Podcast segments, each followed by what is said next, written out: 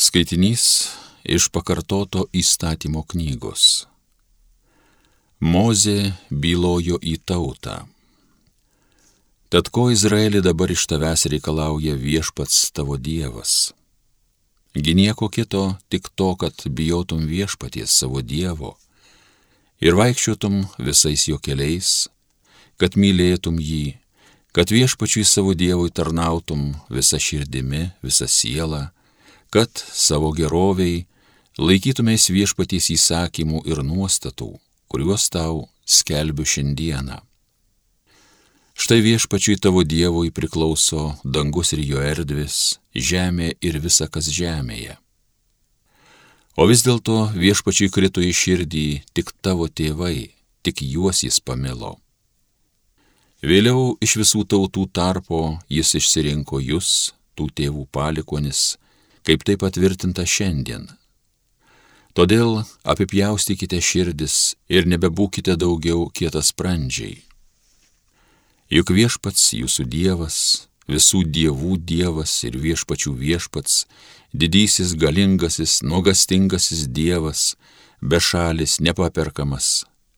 Jis gina našlių ir našlaičių teisės, mylė tėvius ir teikia jiems maisto drabužių Taigi ir jūs mylėkite ateivius, nes ir jūs Egipte esate buvę ateiviai.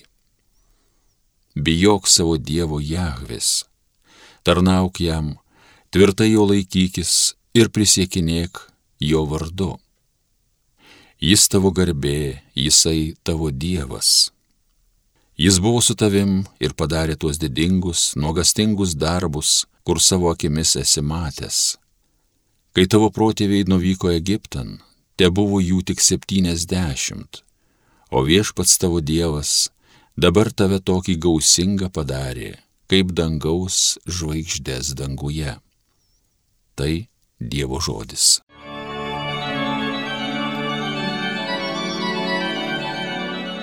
Šlovink Jeruzalę viešpatį. Šlovink Jeruzalę viešpatį, savo Dievą garbink Sijonę Jis tavo vartams klaščius padarė, tavo vaikams jis duoda palaimą. Šlovink Jeruzalę viešpatį. Tavo riboms duoda ramybę, sotina tave kviečių derlium. Jis savo žodį siunčia į žemę, sparčiai jo įsakymas skrieja. Šlovink Jeruzalę viešpatį.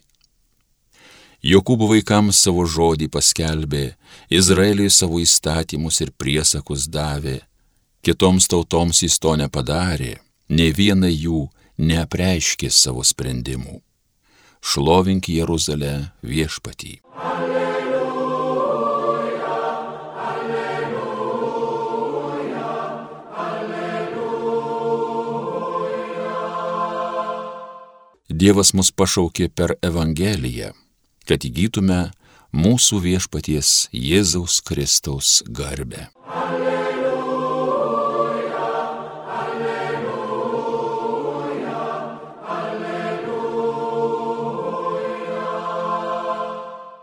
Iš Evangelijos pagal Mata.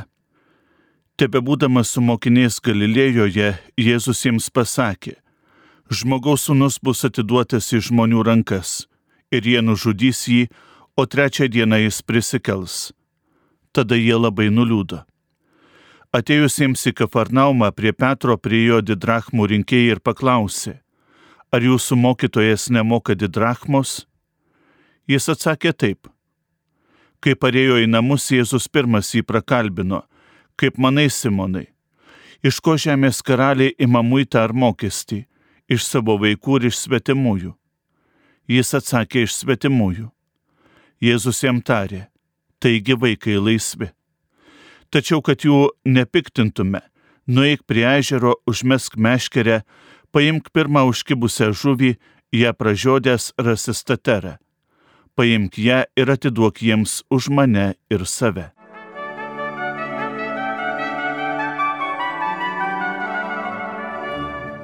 Mėly Marijos radio klausytojai, Jėzus net keletą kartų savo mokinius įspėja apie besertinančią kančią, mirtį ir prisikelimą.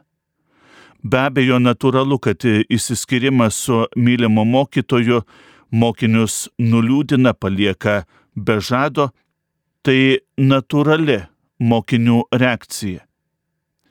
Kurisgi nori įsiskirti, kasgi galvoja apie auką, mirtį, ypatingai tuo met, kai atrodo viskas gerai, kai viskas eina tarsi sviestų patepta, kai mokytojas yra šalia, kai jis daro stebuklus, kai gydo ligonius, kai net prikelia mirusiuosius. Kamgi ta kančia? Kamgi tas atmetimas? Kamgi ta mirtis? Be abejo, šie klausimai tarsi užtraukia tylą. Užtraukia tylą mokinių suvokime, mokinių mintyse. Atsakymas į šiuos prasmės klausimus užklumpa netikėtai. Per atrodytų patį paprasčiausią, patį kasdieniškiausią įvykį. Petrą užklumpa didrachmų rinkėjai. Jų klausimą Petras gana sausai atsako. Ir tuo ištartu žodeliu taip, atrodo viskas turėjo ir būti pasakyta, tarsi nukirsta, tarsi išpažinta, kad būtent šis mokytojas iš tikrųjų dovanoja laisvę. Ir galbūt kiek keistoka Petro laikysena namuose. Jis apie dialogą su didrachmų rinkėjais ne neusimena, o galbūt ne, nespėja užsiminti, nes Jėzus pirmasis jį prakalbina. Klausdamas Petro, atrodo tokio paprasto klausimo, kam reikalingi tie mokesčiai, iš ko turėtų būti jie renkami, Jėzus nurodo į platesnius savo misijos horizontus, nei kad Petras įsivaizduoja, nei kad net ir mes įsivaizduojame. Jėzui visi yra svarbus. Visi turi būti laisvi. Viešpačiui nėra kokio tai skirtumo tarp savųjų ir svetimųjų. Jam negalioja kokie nors rasiniai ar etniniai dėsniai, nėra lygių už lygesnius ar geresnių už gerus. Ta statera, rasta žuvies pilve, yra skirta ir vieniems, ir kitiems. Skirta visiems. Kaip ir po Jėzaus kančios ir mirties auštantis išganimo rytas. Jis aušta visiems. Ši perspektyva turi nugalėti nerimą ir ašaras Ir mums, brangieji, svarbu suvokti, kad nėra atskiro nacionalinio Dievo, kad negali būti takoskiros tarp mūsų ir jų kabutėse, tarp teisiųjų ir tų, kuriuos reikia naikinti, kurių reikia vengti. Žvilgtelėkime, brangieji, save į savo aplinką, dar kartą panalizuokime savo mintis, savo darbus, net savo suvokimą ir stenkimės viską nušviesti šios dienos Evangelijos šviesa. Ten, kur dar egzistuoja kokia nors takoskira, melskime vienybės.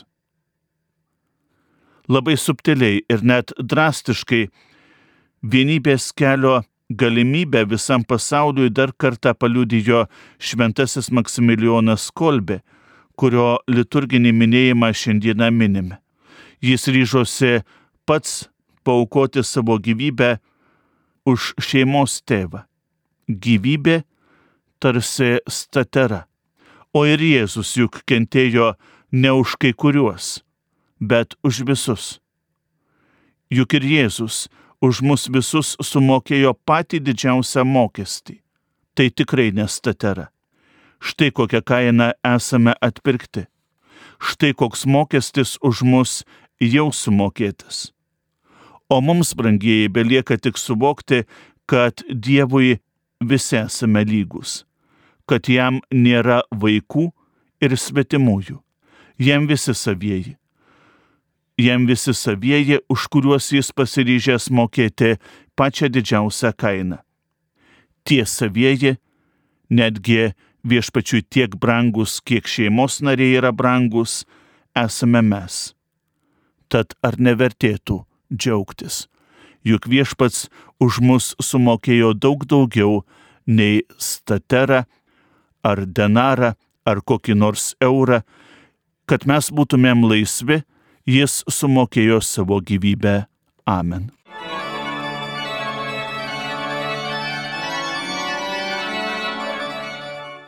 Homilija sakė kunigas Nerijus Pipiras.